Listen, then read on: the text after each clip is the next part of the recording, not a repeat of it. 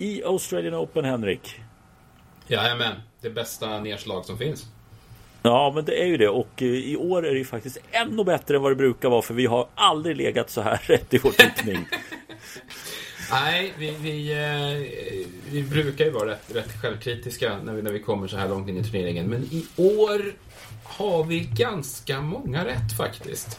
Har det Ja, att göra med känns- att det varit, mm, inte varit lika skrällfritt så, eller skrällfyllt som det varit de sista två åren? Eller är vi bara rätt på det? Ja, Ja men lite, lite tror jag just att, att vi, vi hade ja, men det, Vi hade typ att få fem rätt och ett tilläggsnummer på Lotto det, Ja. Vi har inte fullt ut men, men i alla fall vi är på väg dit eh, Men sen lite har du rätt i att det är ju inte så mycket skrällar Nej, det är det ju inte. De, de, eh, de verkliga eh, superkandidaterna eh, har ju tagit sig en bit fram. Men eh, det är ju en del eh, tunga namn som har fallit bort också. Och det ska vi väl gå igenom nu. Ja, vi tar väl allting uppifrån då. Och längst upp hade vi Novak Djokovic och där hade vi honom fram till en kvartsfinal. Och eh, mer än, ja, alltså vad ska man säga om Novak? Eh, Novak blir ju egentligen inte testad förrän mot Medvedev får vi väl säga egentligen. Shapovalov tar ett tredje set mot honom. Eh, Lite oväntat egentligen att, att han lyckas eh, norpa det. Men sen är det liksom som att Djokovic bara sätter ner foten och, och trycker till pojkspolingen. Eh, nollar honom i fjärde. I fjärde. Eh, Ja, det, ja, men det känns som att han blir förbannad efter att ha förlorat det, det tredje setet. Ja, men lite så är det ju. Det, det, det kände, jag tror han själv kände, alla, alla som såg det, och jag tror han själv kände också att det där, det där, var, det där var lite onödigt. det hade inte behövt gå till på det viset. Ja, Eh. ja, men lite är det ju så här att han faktiskt slösar mer energi på banan. Mm. Det, det, det är väl den enda, vad ska man säga, nackdelen med Djokovic som jag kan se. Det är att han, hans spel kräver ju ofta rätt mycket spel. Ja, men så är det ju. Eh, och det, det blir rätt långa matcher och sen möter han ju ändå Framförallt i an, både i andra och fjärde rundan här två spelare som bjuder upp eh, till den typen av dueller. Songa ger sig ju inte i poängen egentligen. Eh, han, han är ju oerhört fladdrig i, i matchbilden naturligtvis. Men eh, är ju ändå en spelare som bjuder upp till, till välspelad tennis och, och eh, inte sällan ganska långa poäng när han, när han får feeling i alla fall. Och sen Medvedev Mm. står ju upp bra på riktigt. I alla fall i de två första seten. Men där måste jag säga, i andra set så har ju Djokovic break upp och så har de en 40 bolls boll. Eh, och där, efter det så ser ju Medvedev helt färdig ut. Mm. Han stapplar ju omkring i 2G efteråt. Sen var jag borta en stund och helt plötsligt så bara, vad hände här sen? Nej, det, det, det, det var en märklig utgång. Eh, men han, återhämtar sig ju inte riktigt ändå, även fast han lyckas kvittera där. Sen står han sig ju rätt slätt i, i de två sista seten med Medvedev. Eh, Men för honom får vi ju ändå summera en, en riktigt bra turnering igen. Och vi, Ja. vi varnade ju lite för honom inför.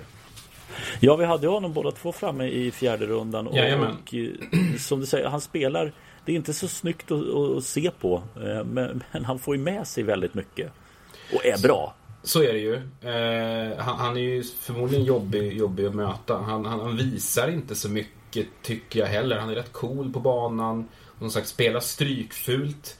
Vilket kan vara jobbigt också för du får aldrig någon riktig känsla då för om han spelar bra eller om han spelar dåligt. För det ser, det ser fruktansvärt ut hela vägen. Eh, riktig styrkedemonstration tycker jag mot Goffin som han ju brottar ner i tre raka set. Eh, Ja. Goffin som lyckas överleva Marius Koppil efter att ha tappat första set i andra omgången. Han bröt med sin tränare här nu såg jag, idag. Eh, vi, vi spelar in det här på måndagen. De splittar nu. Eh, så att han är uppenbarligen inte nöjd med hur, hur, eh, hur det går med saker och ting. Mm, det är ju intressant att göra det efter första månadens spel Mm, på året. tidigt. Ja, det, det lär ju inte vara så jävla många tränare som finns ute på marknaden heller. Nej. Eh, ja, Goffin får, han får famla vidare här i Europa efter Australian Open då. Ja, han får väl göra det. Eh, han verkar ha en ganska lång väg att vandra. Tycker jag inte har imponerat särskilt mycket spelmässigt. Inte i den här turneringen i alla fall.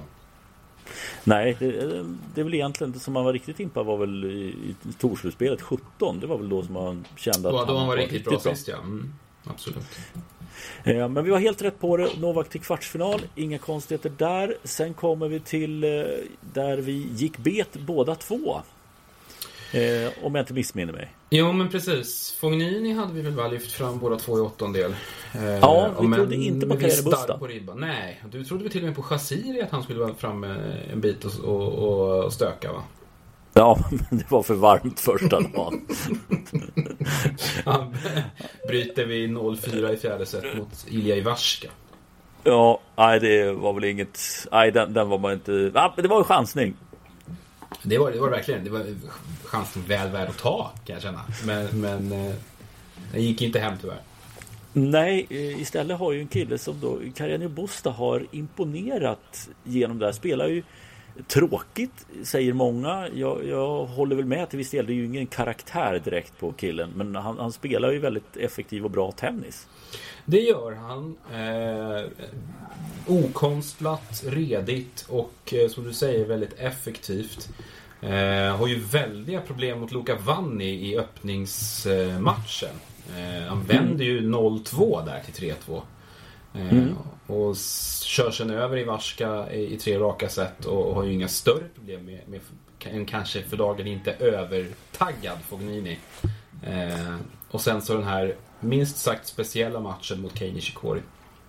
Ja, jag måste bara ha Fognini för jag, jag kollar lite grann där fjärde Det känns lite som det här som han har varit inne på tidigare När han är lite rädd för att vinna Eller mm. våga förlora när han spelar som bäst För han gör inte Han är inte 100% där Nej, det känns, det känns inte som att han, han... Jag tror du är inne på något där. Han vill liksom inte riktigt kräma ur det sista. Han behöver inte göra det i sina två öppningsmatcher. Monari är ju tråkigt nog upp i, i eh, eh, tredje set i, i, en annars liksom ganska jämn och välspelad öppningsrunda. Och sen Mayer bjuder ju eh, inte på något så här supersvårt motstånd för Fognini.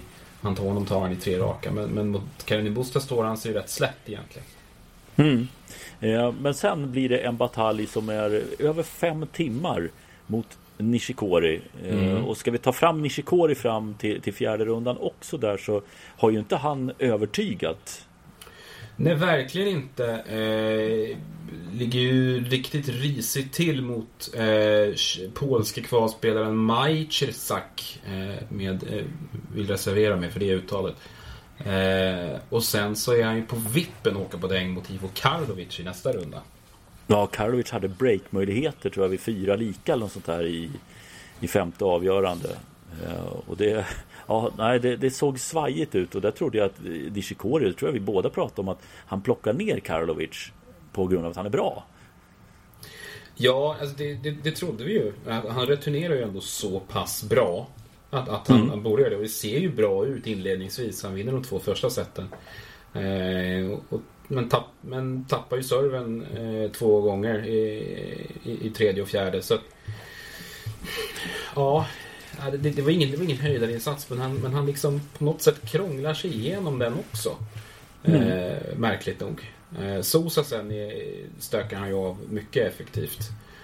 Ja, eh. Sosa, Sosa som vi hade framme där var båda två i tredje rundan. Ja, jag tror det. Han, han visade ju hyfsat gott gry i, i förturneringarna här. Eh, inledningen på säsongen. Så att eh, det kändes som att han var någorlunda på G. I alla fall hetare än Kohlschreiber som var hotet på vägen. Och det var han ju. Ja, ja men det var, det var en bra match. Jag, jag gjorde större delen av den matchen. Och det var lite upp och ner. Kohlschreiber var förbannat bra där framåt fjärde när han bet ihop och då trodde jag faktiskt att han skulle knipa det femte också, men icke! Men, men, vi tar det som då hände oh. på måndagen här. Alltså Carreño Busta och Nishikori. Fem timmar, fem minuter. Det går till match tiebreak. Nishikori vinner 10-8. Men det vi ska fastna vid det är 8-5 till Carreño Busta i det här match tiebreaket. Ja, och det är ju en eh, domarbedömning där som eh, har blivit vida diskuterad som får Kareni Busta att gå i taket fullständigt. Eh, och där och då kan man ju verkligen förstå hans ilska och frustration. Ja, han, han blir alltså det, det ska sägas att han gick av banan och han var riktigt förbannad och han bad om ursäkt för eh, sitt beteende på presskonferensen efteråt. Som, som också skrevs att aldrig varit så många journalister på en Carani Bosta presskonferens. Nej, exakt. Eh, så det där med karaktär kanske hjälpte honom. Men här kommer det lite som jag tycker är intressant i bedömningen här. För du, vi har sett den här sekvensen mm. båda två. Eh, ska vi, ska vi jag... re recappa den då för de som, de som inte har sett den? Ja, det är alltså Karini Busta, eh, Nishikori fram vid nät, Karini Busta slår ett passeringsförsök, det går via nätkanten, studsar och så studsar den nästan framför Nishikori, studsar på linjen, mm. tror Karini Busta. Domaren dömer ut den ganska sent när Nishikori slår till bollen. Ja. Eh, dödande. Ja. Eh, och, och, det är väl, eh, om jag förstår det rätt, så att det är när domarens... Eh, för det är hur, den, när domarens out kommer som är det avgörande för om man kan ge Karenji Bosta rätt eller inte här. Och det kommer ju efter att Nishikori har dragit till bollen. Mm. Eh, åtminstone jag skulle nästan säga, eller är till och med efter? För jag tyckte att det var precis i, i svingen så att ja, det är same same. Han kan liksom inte stoppa där. Eh, och Karini Bosta har gjort sitt drag. Eh, men här kommer det som jag reagerar på. Mm. Och det är att jag, jag, missade vem det var som dömde. Om det var Dumuswa eller vem det var som satt där uppe i domarstolen. Men om Karini Bosta får utmana den här. Varför får han utmana den här? Är ja, du med exakt. mig? Nej, jag, jag är med dig. Eh, du har helt rätt. Det, blir, det, blir ju, det är ju faktiskt ologiskt om man ändå har dömt ut, om man ändå har dömt ut den eh, och det inte kan bli någon slags overturn. Mm. Eh, I och med att han utmanar. Så varför ska han då få utmana överhuvudtaget? Ja, då måste ju i alla fall Visst, han kan få göra det bara för att få rätt i det. Men då måste ju huvuddomaren säga till i det läget att Hej Pablo, det, det, spelar ingen roll. Om du gör det här så kommer du förlora bollen ändå. Mm. Då har han ju i alla fall någonting. Men det här blev eh, farsartat för att eh, jag fattar ju att Karin Bosta blir upprörd för han oh, ja, men, tar ju en utmaning på den, får rätt men torskar ändå bollen. Det är ja. en väldigt, väldigt märklig situation. Ja, det är en otroligt märklig situation. Det blir, blir liksom som att den ena, den ena regeln tar ju ut den andra på något sätt. Eh, på, ett, på ett väldigt märkligt sätt. Uh, och, och det, det, är ju så många faktorer här som är riktigt märkliga. För det första är ju bollen rätt. Och sen för det andra så är ju Nishikoris slag dödande. Och sen så det tredje elementet är ju att, att domarens out kommer så väldigt, väldigt sent. Eh, överlag är det ju lite dålig känsla av, av, av domargänget i den här matchen. Det är ju lite det man lämnas med. Ja, jag håller med. Och, och det, jag, jag, får lite, det ska bli intressant att se om eh, den här domaren kommer få göra fler herrsinglar eller damsinglar. Han kanske plockas ner på en lite lägre nivå om man får fortsätta döma den här turneringen. För det där, jag vet inte, det, det är som sagt det där är svårt med att reglerna nästan tar ut varandra. Mm. Fortfarande så tycker jag att det är väldigt dålig fingertoppskänsla att inte Oerhört. ha den kommunikationen med spelaren. Verkligen. Och det här är ju Det här kostar ju Kadenji Bosta matchen. Han, han är ju ändå på väg. Han har som du säger 8-5 i det läget. Men i och med den poängförlusten så vinner han ju inga mer poäng under återstoden av matchen. Eh, Nej det där är ju det är ett mentalt ras som hamnar där och det måste vara så mycket säkert mycket frustration och sånt inblandat i det också. Man ser att det är en, en sån där liten grej får man ju säga ändå men, men det blir ju en stor grej istället för att bara skaka av sig och fortsätta spela. Det hade väl förmodligen Rafael Nadal gjort. Men i det här fallet så, han är så skör mentalt uppenbarligen efter fem timmar på banan. Och det, vem skulle inte vara det? Nej att, men exakt. Aj, aj, Nej men det, precis, och, det, det är en så konstig situation för honom också. Han har liksom fått se matchen gå precis hans väg eh, i, i, två timmar och sen har det liksom gått åt helt fel håll i, i, nästan tre timmar. Och så har han liksom på vippen här nu precis vänt och är på väg att sopa hem allting mot alla odds. Och så upplever han ju naturligtvis att allting tas ifrån honom där och då. Mm. Det, det, måste vara oerhört knäckande naturligtvis. Men all heder åt Nishikori här sen som håller sig iskall. Jag har ju upprepade tillfällen höjt liksom frågetecken för hans mentala status. Men, men här är han ju fullständigt iskall. Och, och spelar, ju, spelar ju bra trots underläge i, st i större delen av matchen också. Så att eh, all heder åt honom. Det är säkert inte någon av hans roligare vinster egentligen att, att vinna på det där sättet. För att han, han inser ju också naturligtvis problematiken i den domarbedömningen. Mm, absolut. Men nu är Nishikori i alla fall i kvartsfinal och eh, det är väl en av få spelare som har vänt 0-2 underläge till 3-2 seger två gånger eller fler i en Grand Slam. Ja. Det är någon som har tagit tre. Det är en fransman som jag inte kommer ihåg vem det är som har gjort nu. Men ett intressant namn dök upp där som jag ingen vet vem det är. Mike Brunberg. Vet du vem det är?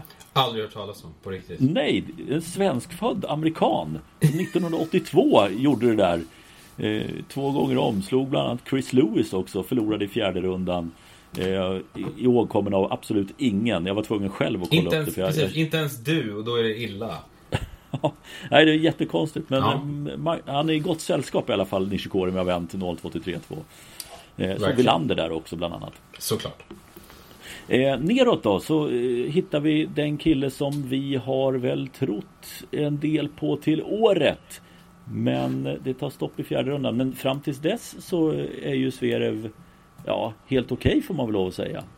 Ja, absolut. Eh, han, han, ställs ju på lite svåra prov där av Jeremy Chardy. Eh, mm. Jag tycker han har fullständig kontroll på den matchen i de i två första sätten. Sen så är det en liten höjning utav Chardy och Zverev svajar till.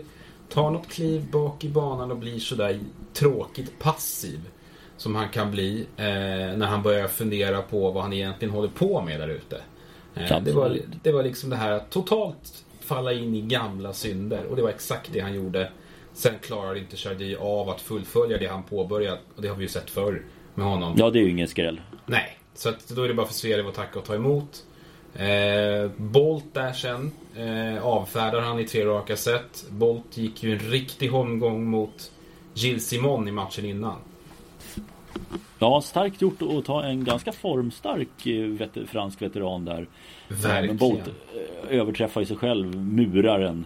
Eh, och det där kommer ju han aldrig göra om. Det var en nej, härlig nej. vecka för honom. Ja, ja, han, hade, han hade en supertaggad hemmapublik i ryggen. Eh, och han liksom flöt fram på banan. Han högg på allting, spelade mycket aggressivt. Satte väldig press på Simon. Han, han var totalt taggad. Det var liksom så ruggigt bra kroppsspråk genom hela matchen. Det var liksom en kämpaseger. Alltså en ren attitydsgrej på Bolt. Han ja, överpresterade också, rejält. Ja men där ser man också vad faktiskt vad en publik kan få en spelare att höja sig. Ja. Det här tycker jag är ett exempel för den här killen hör hemma på Challenger-touren normalt sett. Absolut. Och ska inte vara i närheten av Gilles Simon. Nej. Nej men, men han, han, är, han är ju väldigt duktig här på att utnyttja publiken. Han, han känns ju som en sån som, som klarar av att ta till sig liksom en brölig hemmapublik. Han verkar vara lite så, jag har ingen vidare koll på Bolt ska jag säga, men, men han verkar vara lite sån person och jag såg ändå matchen mot Simon och tycker liksom att han... Eh, ja, men, jag, jag tycker han använder publiken på ett jättebra sätt. Eh, och kändes liksom peppig och på genom, genom hela fighten trots att det svängde fram och tillbaka. Så det var snyggt gjort. Men, men han hade ju ingen chans mot Sverus sen i, i, i, tredje. Då var energin slut. Ja, det var den och Sverige fram till fjärde rundan. Och sen hade vi den här lilla tårtbiten som var eh, som en ren mardröm. Ja. Och, och där eh, gick vi väl bet båda två va? Ja, jag trodde ju att Wawrinka skulle gå ren där igenom och du trodde väl på Kyrgios va? Jag trodde på Kyrgios ja. Eh, och det var ingen av oss som fick rätt som sagt. Även om Wawrinka gjorde en bra match mot Ronic. Det gjorde han verkligen. Det är ingen skugga ska falla över honom. Eh, det, det, inte alls. Att Chung gör det stora raset är ingen jätteskräll heller. Herbert visar att han är en bra spelare. Eh, men den som imponerar, kanske har imponerat på mig mest under den här veckan Det är Milos Raonic. Han ja. har varit otroligt bra. Ja, jag, jag, jag, vet, jag vet inte när, när, när man ens såg honom så här bra. Det måste vara när han var i final i Wimbledon mot Federer. Det är, mm. det, det, är på den nivån. Det är två och ett halvt år sedan. Um, han är, han är, han är, han är som på en annan planet nu. Han, han spelar drömtennis. Han sätter inte ett steg fel där ute alltså. Och han servar Nej. så fruktansvärt bra. Ja, det var Kyrgios sa ju det också och det, jag såg för lite av den matchen tyvärr. Ja, men, samma här. Men, men Kyrgios sa ju efteråt, han servade så bra. Det var inget snack om saken och det är jag benägen att hålla med. För att jag har inte sett någonting om att Kyrgios tankade eller gjorde någonting sånt utan nej, Raonic var så förbannat bra i sina egna servegrum så det gick liksom inte att hitta någon lucka för Kyrgios. Nej, precis. Det liksom känns som att när hade Kyrgios ett, ett mindre omtalat uttåg ur en slam sist. Alltså det, det var liksom... Ja men det som du säger, alla var liksom med på... Ja men vad, vad skulle han ha gjort då? Raonic mm. var för bra, för stabil. Eh, likadant mot Wawrinka, han, han darrar inte. Han, han, han, bara matar och står och slår och står rätt hela tiden och slår så förbannat hårt.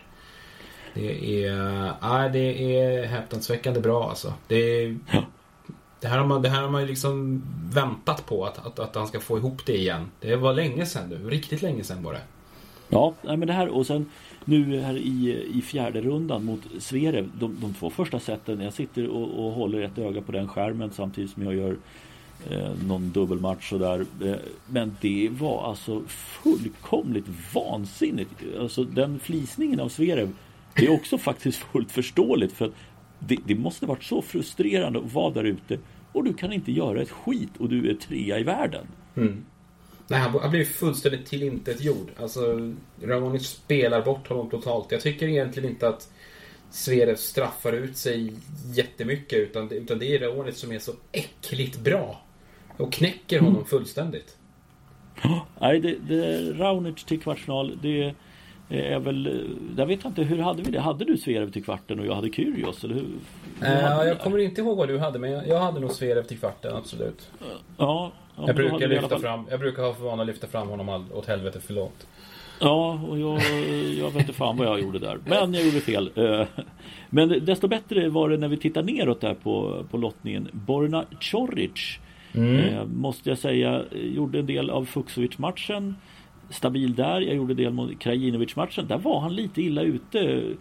Krajinovic är lite för ojämn där. Thomas Johansson tränade Krajinovic som ändå tar sig fram till en tredje runda och har gjort det väldigt bra. Slår Cecchinato bland annat i första i fem set. Ja, ja, full, eh. fullt, fullt godkänd eh, första insats för Krajinovic och Johansson tillsammans. Eh, och, och, frågan är, vet inte, Johansson har ju tränat Choric tidigare.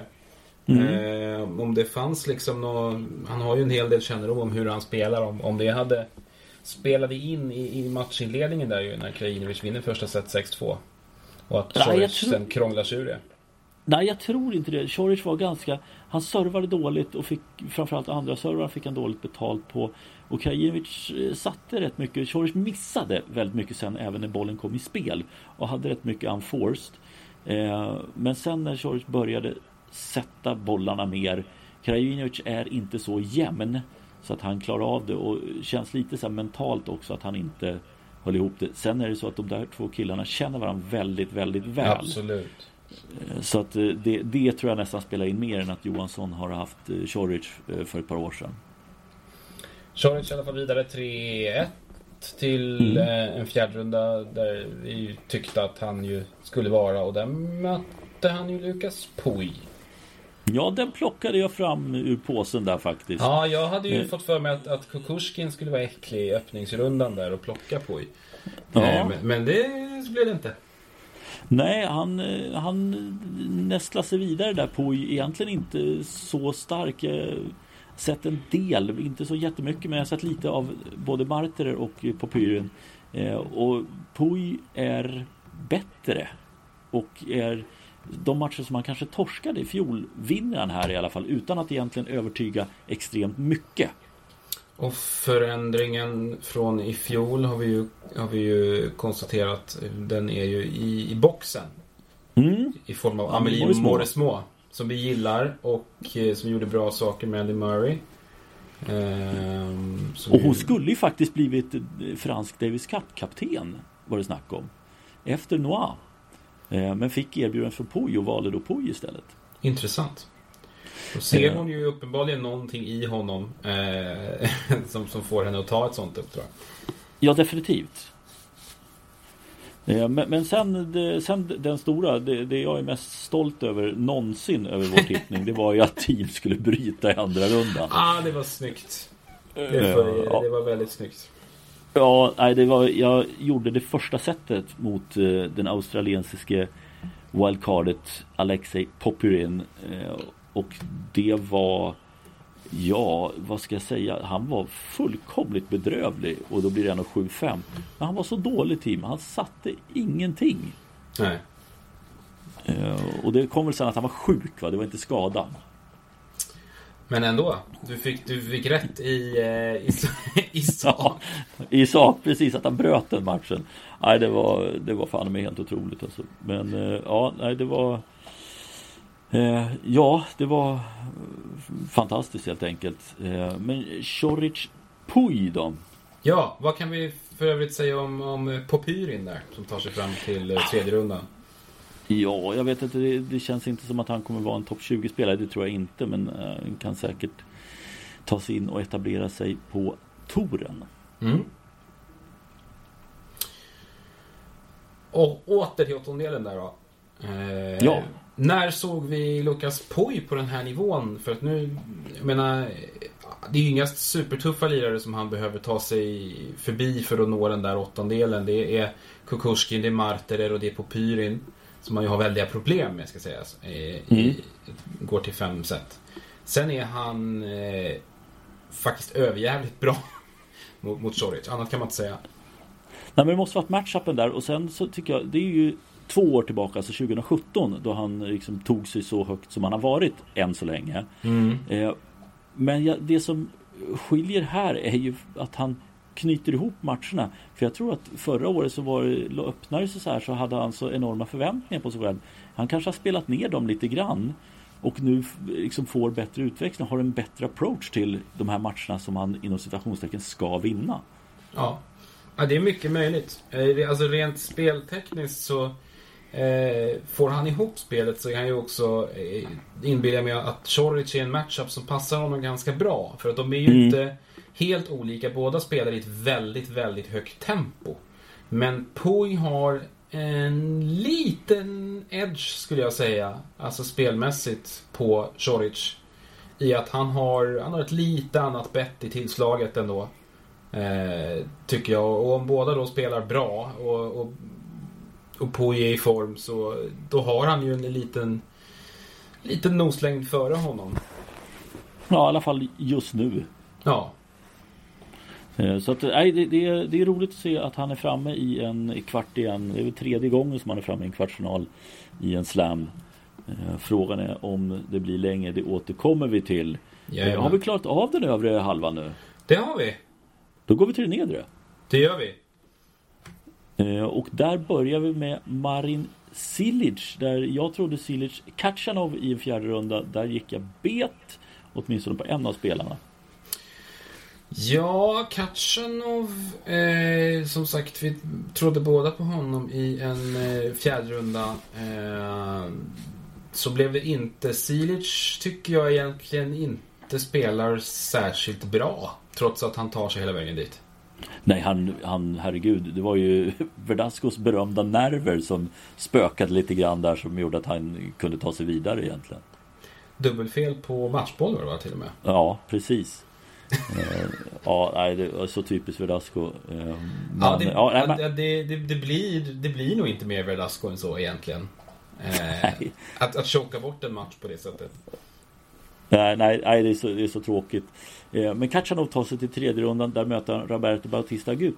Men där hade vi en annan spelare och här måste vi stanna lite grann Henrik.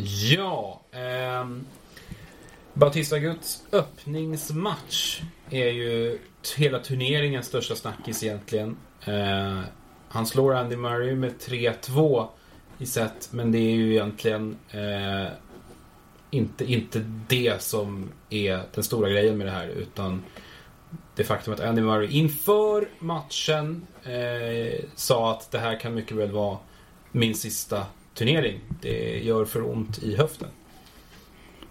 Eh, det kom ju lite efter vi spelade in vår podd men det, Ja det kom det ungefär känd... tre timmar efter att vi spelade in vår podd ja, eh, Men ett, ja, ett, ett jättetråkigt besked är alltid tråkigt när det är någon som inte får sluta på sina egna villkor Eh, och, och jag måste säga att jag måste verkligen lida med honom när han har försökt så mycket och så när han testar och känner att nej, men det här håller ju inte eh. Nej, han har, ju, han har ju försökt nu i ett år och, och verkligen det känns som att han har vridit och vänt på allting och, och testat det mesta nu. Eh, nu. Nu sägs det ju att han ska konsultera eh, ena Brian-broderns doktor här. Eh, mm. Som har lovat honom att han ska kunna lösa det här. Um, men, men det... Ingenting har ju funkat hittills och är man i Andy Murrays position så har man väl naturligtvis konsulterat de, de eh, allra skickligaste inom det här gebitet. Eh, va, va, va, va, ja, det, var, det var ju... Alltså, säga, det blir väldigt svårt också att hantera. Jag tror Murray tyckte nog det var bra att få spela fem set så att han verkligen fick känna hur kroppen fungerar.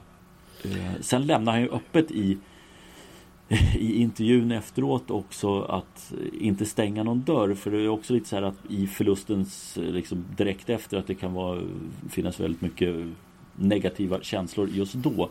Utan jag tror att det här stannar utvärdera, åka hem, känna efter, se okej okay, är det operationen som gäller nu eller håller jag ihop eller struntar i operationen och siktar på att spela en grästurnering och Wimbledon och sen är det bra. Mm. Ja, det, det, det, det återstår att se. Han har ju dragit sig här nu från eh, turneringarna närmast här också. Det är ju en alldeles enastående spännande tennismatch. Eh, kanske, kanske den nervigaste och, och eh, kanske inte speltekniskt bästa men, eh, på många sätt mest underhållande match. Alltså Murrays slit och kämparanda i den matchen gör den ju underhållande och att det är med den inramningen och att det för honom personligen står så mycket på spel gör den ju superintressant att titta på. Eh, han sliter ju som ett djur där ute. Mm. Eh, och där man vanligtvis är van i femte set att Murray är den som är starkare så var det ändå lite, inte tragiskt, men lite tråkigt att se att nej, det, det, där, där föll energin. Han orkade inte. Nej. Och det är ju för att han får så otroligt dåligt betalt där ute på banan. Han, hans offensiva spel, hans spel i ytterlägen har ju hämmats enormt av den här höftskadan. Mm. Eh, det, och det, det, ser man ju, han är ju enormt ineffektiv när han drivs ut i hörnorna. Alltså han, hans sätt att kontra tillbaka och att liksom vända från defensivt till offensivt spel ur eh, på pappret svåra lägen. Det, det klarar han ju inte längre på samma sätt. Utan, och sen, sen tycker jag han, han tappar mycket, har tappat mycket i, i, i sin serve också. I, i liksom han, mm. sättet han behöver skjuta ifrån. Det klarar han ju inte längre och andra serven är ju nästan så att han kastar över i, i vissa lägen. Liksom. Jarko ner med en eh, andra ja, servar. Ja men verkligen. Ja, men det, det, han blir stenhårt straffad. Han blir, off, han blir kortare i banan nu än han är tidigare. Har varit tidigare. Så att eh, det, det, det, syns ju på honom att, att det inte går bra. Det funkar Nej. ju inte. Nej, och jag tror liksom åka runt med ont i höften och eh, kanske toppa upp på en femtionde plats. Det tror jag liksom inte är värdigt honom. Nej, det hade ju funkat om det hade varit liksom som, som för Nadal. Liksom, att han hade kunnat stå över ett antal turneringar och sen komma in och, och sen lira sådär äckligt bra som han kan göra.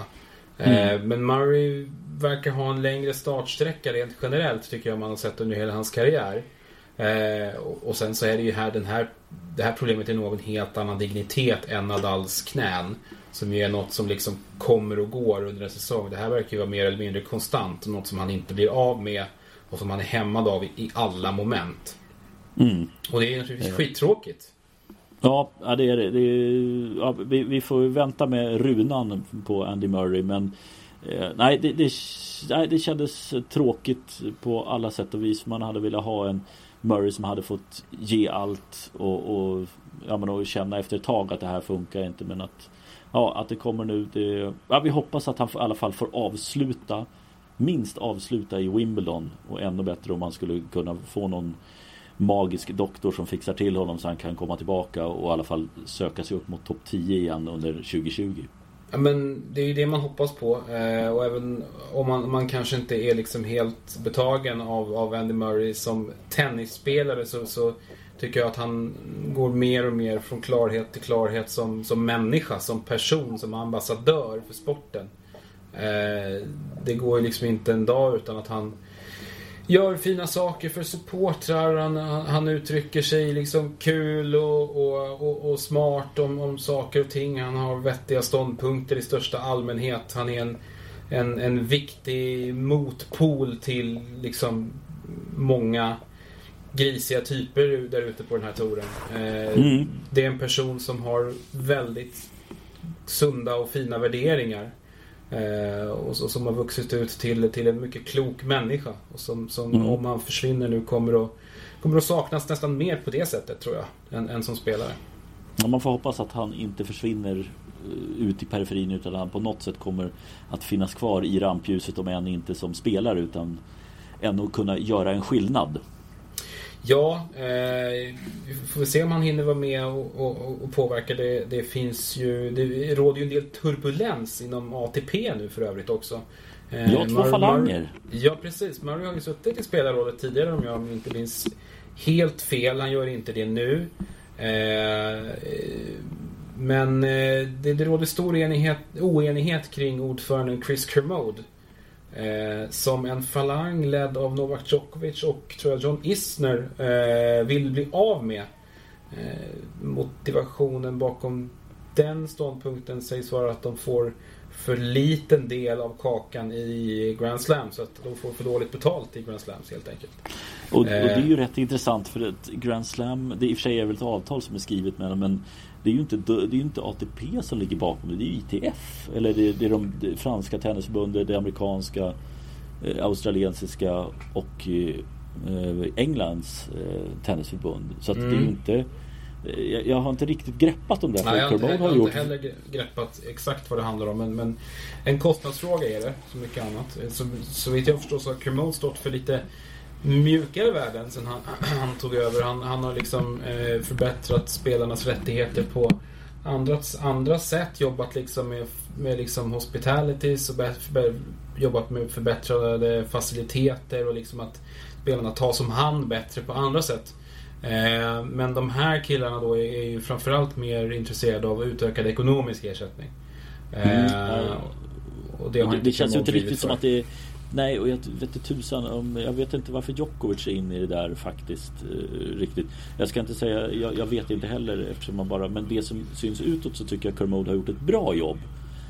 Ja, det är det intrycket man får och, och, han har ju backats upp av väldigt mycket folk. Han har ju Federer, Nadal och Murray eh, och även Wawrinka tror jag på sin sida.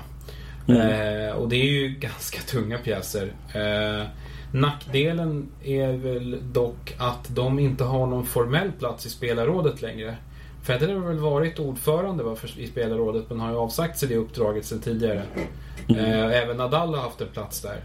Men ingen av dem har någon formell makt. Sen finns det ju har de ju ett informellt inflytande i alla sådana här frågor naturligtvis. Det finns ju Alltså Federer hade ju öppnat och sagt att ja, ja vi, vi, får nog ta och sitta ner och gå igenom det här och, och att han ens kan, kan liksom säga en sån sak som inte ens, inte ens sitter i liksom något beslutsfattande organ. Men all, alla vet ju vilken makt han ändå besitter och liksom vilket massivt inflytande han har på alla beslutsfattare inom den här sporten. Att, jag, jag, ut, utan att ha någon egentlig insyn i hur maktbalansen ser ut där så är det väldigt svårt att tänka mig att de om Djokovic vill en sak och Federer, Murray, Nadal och Wawrinka vill någonting annat. Framförallt Federer och Nadal. Då blir det nog som Federer och Nadal vill. Det, det känns som, som den rimligaste gissningen i alla fall. Ja. Det, sen ska det även råda väldigt stor oenighet kring eh, Justin Gimblestops vara eller icke vara i, inom ATP. Han är ju eh, de nordamerikanska spelarnas representant. Eh, ja, och det, han är ju högsta, högsta styr, precis i styrelsen. Ja. Eh. eh och Gimmelstorp var ju ute och snurrade ordentligt eh, för några månader sedan. Eh, ordentligt berusad och eh, anmäldes för misshandel efter det av en person. Eh, och det är inte första gången han har varit blåsväder. Ska tydligen, han har ju uttryckt sig nedsättande om kvinnliga tennisspelare tidigare. och verkar vara en lite så oskön figur i största allmänhet. Ganska brölig typ. Eh, så att det finns tydligen en, en, en, falang som vill ha bort honom och en som tycker att eh, han ska vara kvar. Ja, det, det, blir ju väldigt svårt, i alla fall med svenska ögon, är det väldigt svårt att se att han skulle kunna sitta kvar om han blir dömd för det till exempel. Ja, verkligen. Det är inte avgjort än det här målet tydligen. Nej, nej eh, fy för en gris. Du, vi, eh, vi hoppar in på tennisen igen. Ja, eh, Bautista Gutt måste vi prata om lite mer egentligen. Ja. Han gör ju Eh. sitt livs slam. Ja, han har aldrig varit i kvartsfinal tidigare. Nej, han har varit i en massa fjärderunder. Eh, där han har åkt ut. Nu har han en kanonfight mot Silic tycker jag. Eh, Mm. Och även mot Katjanov. Kanske han är- monterar han ner i tre raka. Ja, det, Katjanov hittar liksom aldrig någonting som riktigt biter på, på Bautista Guds sjukt flacka, låga grundslag. Eh, han får liksom aldrig... Han får aldrig kläm på honom riktigt. Eh, och mot Silic... Han, han spelar strålande mot Silic. Eh, han har spelat strålande hela vägen egentligen tycker jag. Jag tycker han gör en kanonfight mot, mot Andy Murray också. Han såg bra ut i förturneringarna. Han vann ju en av dem. Eh, han, jag, jag, jag vet inte om jag har sett Bautista Gutt så här bra som han är nu. Möjligtvis när han var framme i, i sin enda Masters-final. Men, men eh, han, han är härlig att se. Han, han är i zonen nu ordentligt. Mm. Eh, Spännande att följa honom. Eh, Då flyttar vi ner då och där har vi ju ett av framtidsnamnen, Stockholm Open-vinnaren Stefanos Tsitsipas. Eh, Som jag trodde till tredje rundan, jag trodde Basiras Fili skulle nypa honom men det gjorde han inte. Ett set nöp han och det var nära att det blev två. Mm. Eh, Då hade det kunnat bli en annan historia av det där. Men det blev det inte. Nej, det blev det inte. Eh, det blev ett eh, massivt genombrott för Stefano Tsitsipas istället. Ja, han har ju burit fram för han mötte Roger Federer i eh, fjärde rundan och Federer såg stabil ut de tre första men sattes egentligen inte på det här avgörande provet. Det känns som att han hade ganska bra kontroll på de här omgångarna. va? Visst känns det lite som att alla de tre han möter där, det är liksom spelartyper som han, som han gillar att möta. Mm. Eh, Istomin där till att börja med. Stor kille som, som eh, slår hyggligt hårt men som spelar väldigt linjärt och rakt och som, som har, har, en, eh, har problem att mixa upp spelet. Och det passar ju Federer för då, då är det han som får rycka och dra i honom och göra lite som han vill med sina... Eh, ja, han, han får spela ut helt enkelt. Evans eh, sa ju Federer själv... Ja. Eh, Federer sa väl själv att, att det var som att möta min spegelbild där ute. Det var ju ganska... det var ju ett Ja, ganska gott betyg. Ja, för Evans bjöd på underhållning. Det ska Ja. sägas. Han fick, han fick kämpa Federer en hel del för att vinna den där matchen. Eh, Men Verkligen. det känns ju inte som att han skulle åka dit mot Evans i längden. Nej, men man kan ju bara tänka. Alltså Evans är ju inte den mest vältränade spelaren där ute. Det får man ju ändå Nej. tillstå. eh, och, och menar, han är jätteunderhållande. Alltså tekniskt sett är han fantastisk. Han är jättekul att se. Eh, en härlig spelare på många sätt som, som ju har gjort en del tveksamma val i livet. Eh, och rejält underrankad nu efter den här kokainskandalen.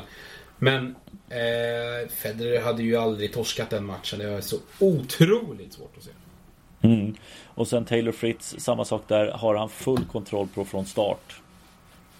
Ja, och, och Fritz är ju liksom lika, likadan där. Han har ju spelar ju ganska rakt och flackt och, och okonstlat egentligen. Ehm, det enda han kan göra mot, mot Federer är väl typ att slå ännu hårdare. Ehm, och han, då, han får inte heller chansen att komma in i banan riktigt så som man hade kanske velat mot Federer för han är oftast den som tar sig fram på nät snabbast. Men så Precis, blev det inte mot Tsitsipas. Nej, Tsitsipas där hade han det väldigt svårt. Det var väldigt välspelad tycker jag, fjärde Mycket. runda. Mycket. Eh, Det förvånade mest är att Tsitsipas höll en så pass hög nivå genom hela den här fighten. Ja, han... Alltså framförallt tycker jag att han... Han, han, han, eh, han darrar ju vid ett par ögonblick, men det är nästan helt koncentrerat till första set. Eh, han har ju några, får ju ett par tidsstraff där tidigt i, i matchinledningen. Det är ett ganska tydligt tecken på nervositet känns det som. Och sen så i tiebreak som står och väger fram och tillbaka där så är det ju någon i publiken som ropar out Ja, Eh, när när eh, Federer är... det är setbollen. ja, tryckt, ja, 12-11. jag tror det är på- ja, det måste det ha varit va? Eh, när Federer trycker den på linjen. Så att... Mm, det känns lite som att han... Han blir lite snuvad på första set kan jag känna. Han är faktiskt mestadels bet- den bättre spelaren där. Men han tar ju revansch med råge sen i nästa set. Ja, han gör ju det och, och det- jag tycker det är så starkt att hålla ihop det när det är så jämna set också. Eh, det blir 7-6 i andra. Han bryter sent i, i det tredje och får 7-5 och så 7-6 i det fjärde. Och, men jag tycker också, han bryter ju av för Federer är också en sån som tycker jag, han förstör ju rytmen för motståndare eftersom han olika spinn och styrka, kraft.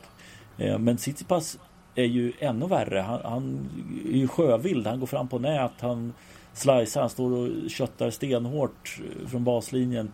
Det är, ja, det är svårt för Federer får inte riktigt han får inte matchen dit han vill helt enkelt. Nej, och, och jag tror att nyckeln i det ligger ganska mycket i att Tsitsipas faktiskt inte låter Federer komma fram. Eh, han servar otroligt bra matchen igenom. Ja. Eh, det, det, är kanske det han har utvecklat mest här sista året. Kontinuitet i serv. Eh, att han, att han säll, allt mer sällan svajar i liksom såna här elementära detaljer i spelet. Att han, som till exempel en sån som Dimitrov kan göra som kan, som kan serva hur jävla bra som helst i ett antal game och sen bara falla igenom. Tsitsipas har liksom slutat med det om han ens gjorde det. Men han har ju, han har ju stramat upp spelet riktigt hårt.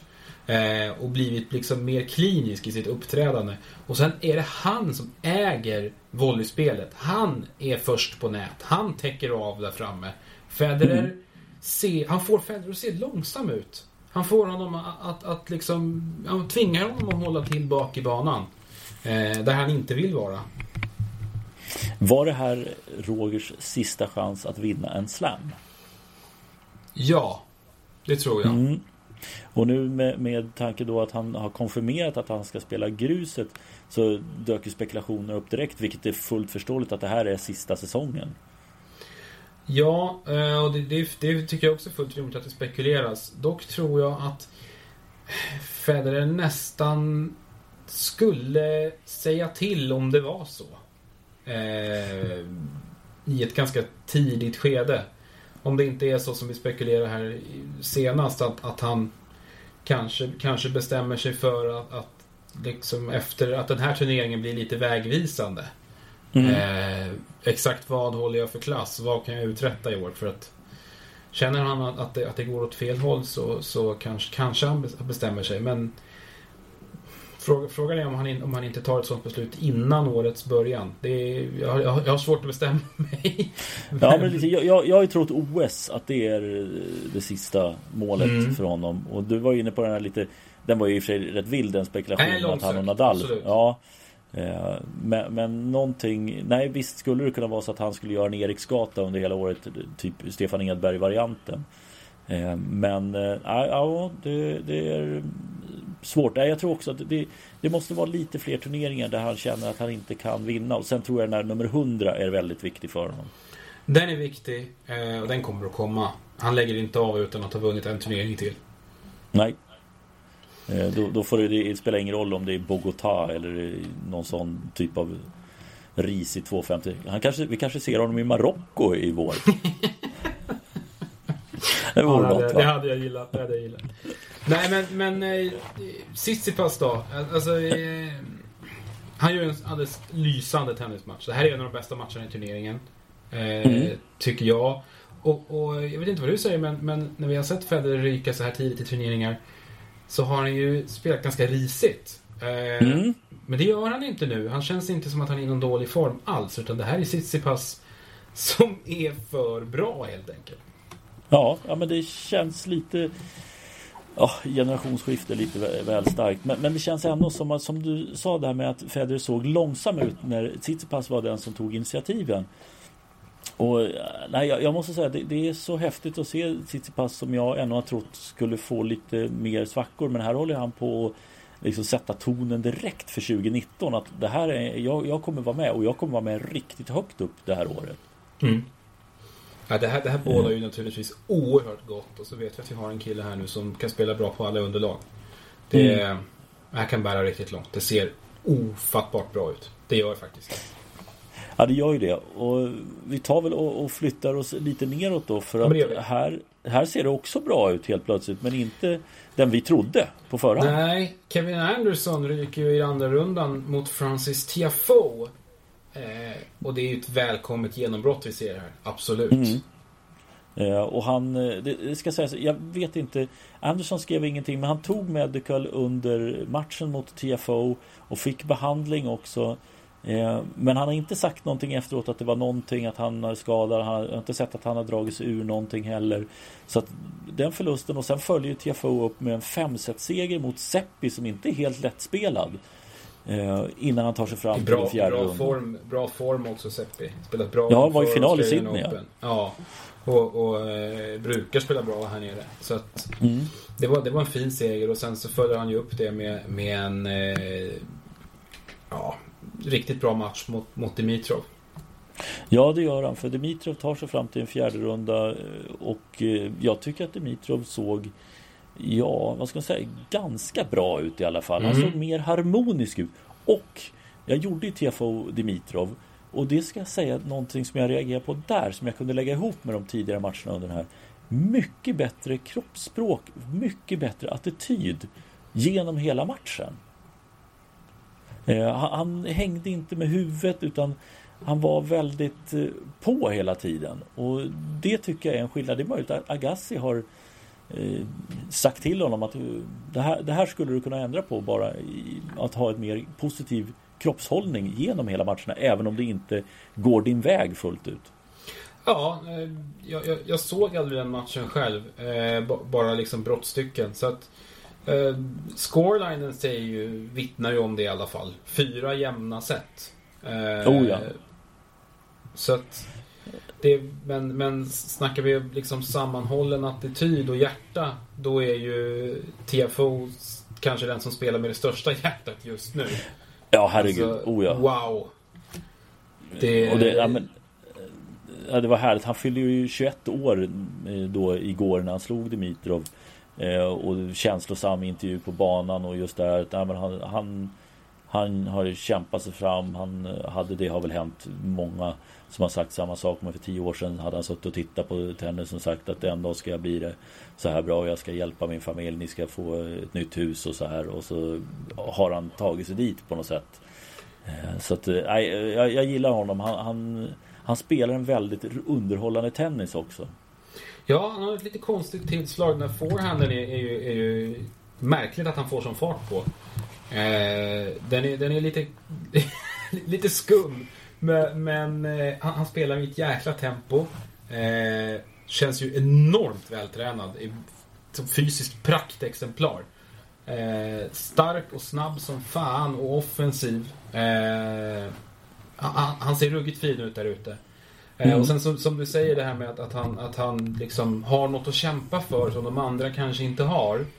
Eh, jag, jag, läste lite om, om hans bakgrund. Hans hans, han kom i kontakt med tennisen eh, genom att hans pappa var vaktmästare på en tennisklubb. Eh, och att han fick chansen att spela den vägen. Så att han hade aldrig, familjen hade tydligen aldrig haft de ekonomiska musklerna annars att kunna göra det. Utan han kom i, kom i kontakt med tennisen den vägen. Eh, och har liksom inte alls den här privilegierade bakgrunden som många andra amerikanska tennisspelare har. Eh, och som de allra flesta väl egentligen, får vi säga, på, på touren ja, har. Ja, generaliserar vi lite grann så tycker jag att man kan säga så, ja. Eh, utan utan han, han har inte fått så mycket gratis från början som, som många andra. Och det är klart att, att det är sympatiskt att se en sån kille långt fram då. Mm. Eh, Yes, absolut. Och, och skönt någon som bryter av bland, bland liksom alla de här osympatiska amerikanerna som, som Harrison och, och Sock och Isner. Som vi liksom ja, inte har så supermycket till övers för.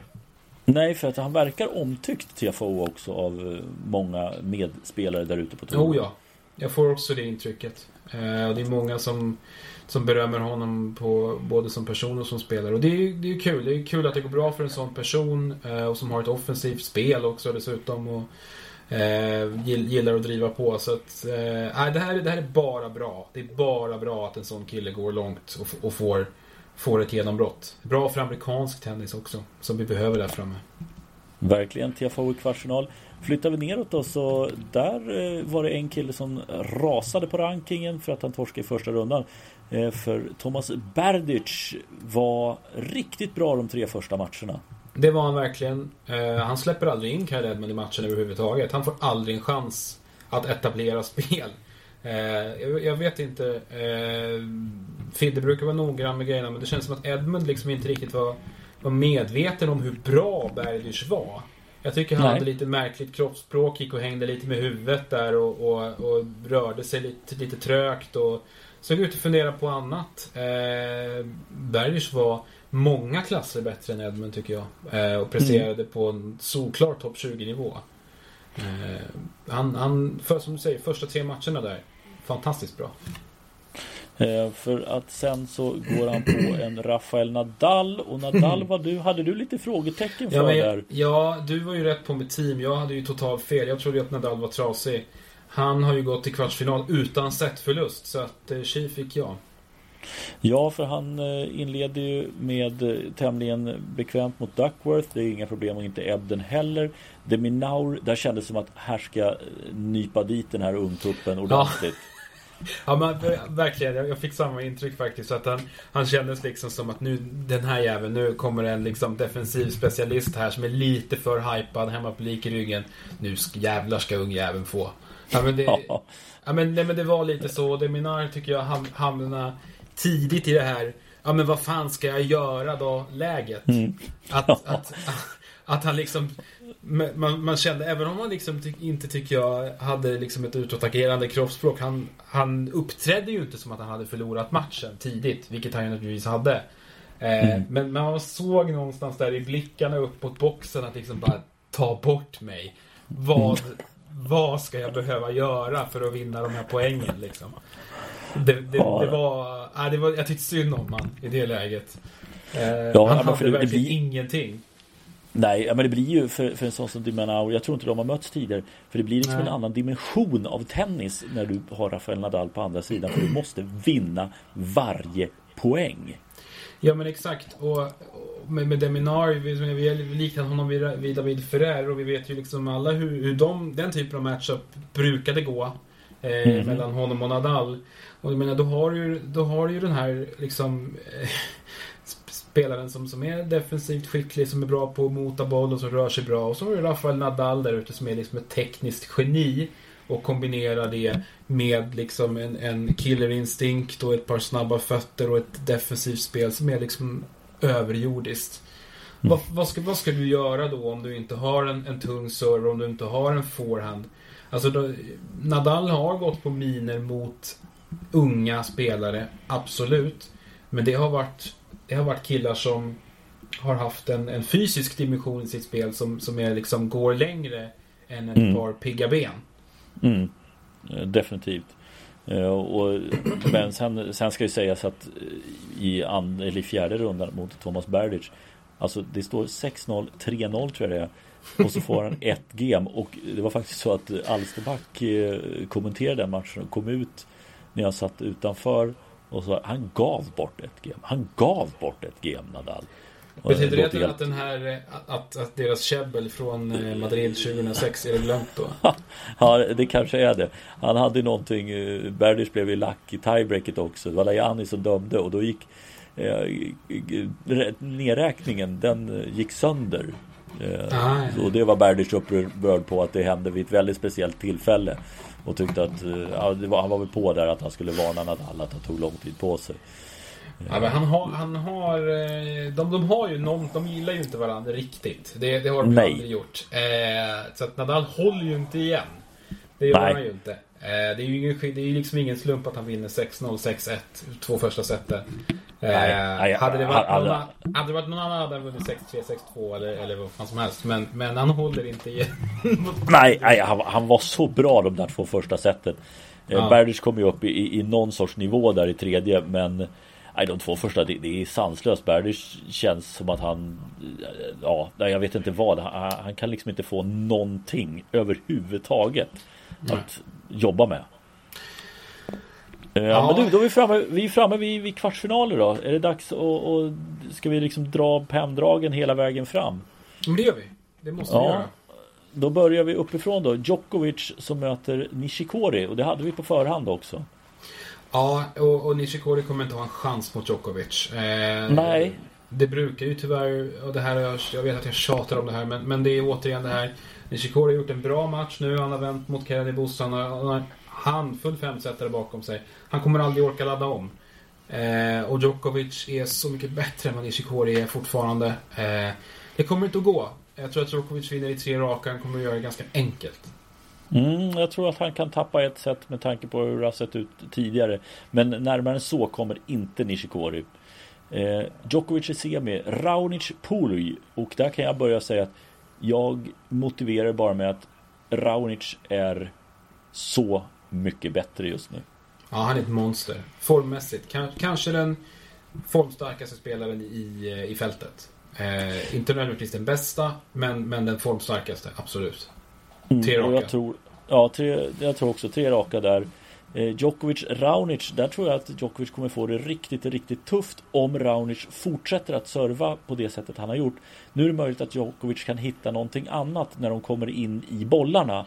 Eh, men jag tror att det kommer bli tight. Jag tror ju att Djokovic vinner det där. Men jag skulle inte bli överjävligt förvånad om Raonic skulle knipa den här semin.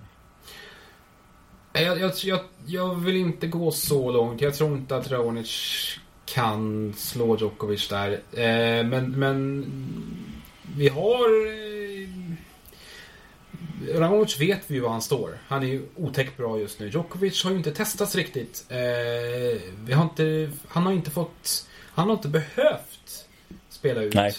Han har inte behövt plocka fram sitt bästa spel hittills. Han kommer inte behöva göra det mot Nishikori heller. Och då är ju... Det, det är det enda tycker jag som talar emot honom att, att så långt fram i turneringen mm. eh, behöva eh, behöva trycka på gasen ordentligt. Kan man göra det eller behöver man bli utmanad lite tidigare? Det, det, det är frågan. Och då har ju Raonic en fördel i att, att eh, han inte kommer att ge Djokovic någon rytm. Och att han inte kommer att få chansen att komma in i matchen om Raonic tar, tar kommandot tidigt. Han kommer ju aldrig få känna på bollen. Han kommer inte få spela sig in i matchen. Men, men det, det är ju ett ändå som det känns lite avlägset scenario. Jag, jag, jag tror att, att Djokovic kommer greja det där och ta sig till final. Mm. Och i final då, då har han första, om vi tittar på första kvarten på nedre halvan, Bautista Agut Tsitsipas. Och med tanke på hur Tsitsipas spelade så tror jag att han slår Bautista Agut. För jag tror att Bautista Agut, det är eh, så långt han kan gå. Det känns lite så. Han möter ändå en, en spelare som eh, han har ju inte mött en så här spelintelligent kille hittills i mm. turneringen. Mm. Ingen som kan eh, liksom montera ner eh, sin motståndare och liksom ta kontroll över duellerna på ett, på ett sätt som Tsitsipas kan på så många olika sätt. Mm. Eh, och, och, det är liksom, där tangerar han ju Federer egentligen. Eh, som spelar i, i det här att han kan slå, han kan slå dig på så väldigt många sätt. Eh, Batista Gut har ju liksom, visst det är, det är en bragd att, att slå Silic. Eh, han, han, var ju ändå i final i fjol, men, men det är ändå en endimensionell spelare han slår där. Mm. Eh, Tsitsipas är ju den totala motsatsen, så att jag tror på greken. Mm, greken i semi och i semifinal så tror jag att Tiafoe kommer göra en riktigt bra match igen. Men jag tror inte att det räcker. Jag tror som du. Eh, Nadal är, en, är, är han så här långt framme så är han väl uppenbarligen i någon, någon slags hygglig fysisk form. Mm. Eh, och då är det svårt att se att han, att han tappar en sån match. Och i en semi mellan Nadal och Tsitsipas så säger jag så här. Hade det varit i andra rundan då hade jag gett Tsitsipas en större chans än i en semifinal. Ja. Eh, Nadal har ju ändå vunnit sådana här matcher liksom ståendes på ett ben. Eh, för att han har varit liksom totalt trasig och liksom ja, kravlat sig fram vidare i turneringarna. Eh, men som sagt, han är så här långt fram nu. Han kommer inte att ge upp i första taget. Eh, eh. det, jag håller honom som favorit att ta sig till final. Ja, men jag tror också. Jag tror att det blir ett klassikermöte Djokovic-Nadal i finalen. Eh, och jag, alltså nu, jag har, vi har ju varit väldigt Djokovic båda två här. Eh, men med tanke på hur Nadal har sett ut så är jag börjar nästan svänga min pendel här nu. Ja, alltså Nadals chanser har ju ökat. Mm. Eh, om man ser till vad han har presterat hittills och vad Djokovic har behövt prestera. Vi vet mm. ju inte riktigt vad, vad vi har Djokovic egentligen. Om, om man ska vara riktigt krass. Eh, mm. Nadal vet vi att han är i äckligt bra form. Eh, har han ju hittat någonstans. Eh, så, eh, Nadals segerchanser tycker jag har ökat. Men Djokovic är favoriten. Jag säger Nadal då, bara för att du säger Djokovic. Ja, men det är bra. Jag håller på Djokovic defensiv som vanligt. Ja, det är bra. Jag är som en vindflöjel. Hörru du, eh, har, har vi någon koll på, på damtennis egentligen? Vi hade ju två svenskar i turneringen eh, som vi ju inte satte någon större tilltro till att de skulle kunna göra något. Eh, men, de, men de vinner ändå varsin match. Ja det gör de och jag gjorde faktiskt båda Johannas matcher. Eh, första matchen så har hon eh, vad ska jag säga, ja, men hon kämpar på bra för att hon ligger under och är, är rätt tufft utsatt mot Vera Lapko från Vitryssland. Eh, sen ger Vitryssland upp i andra set på grund av utmattningssyndrom.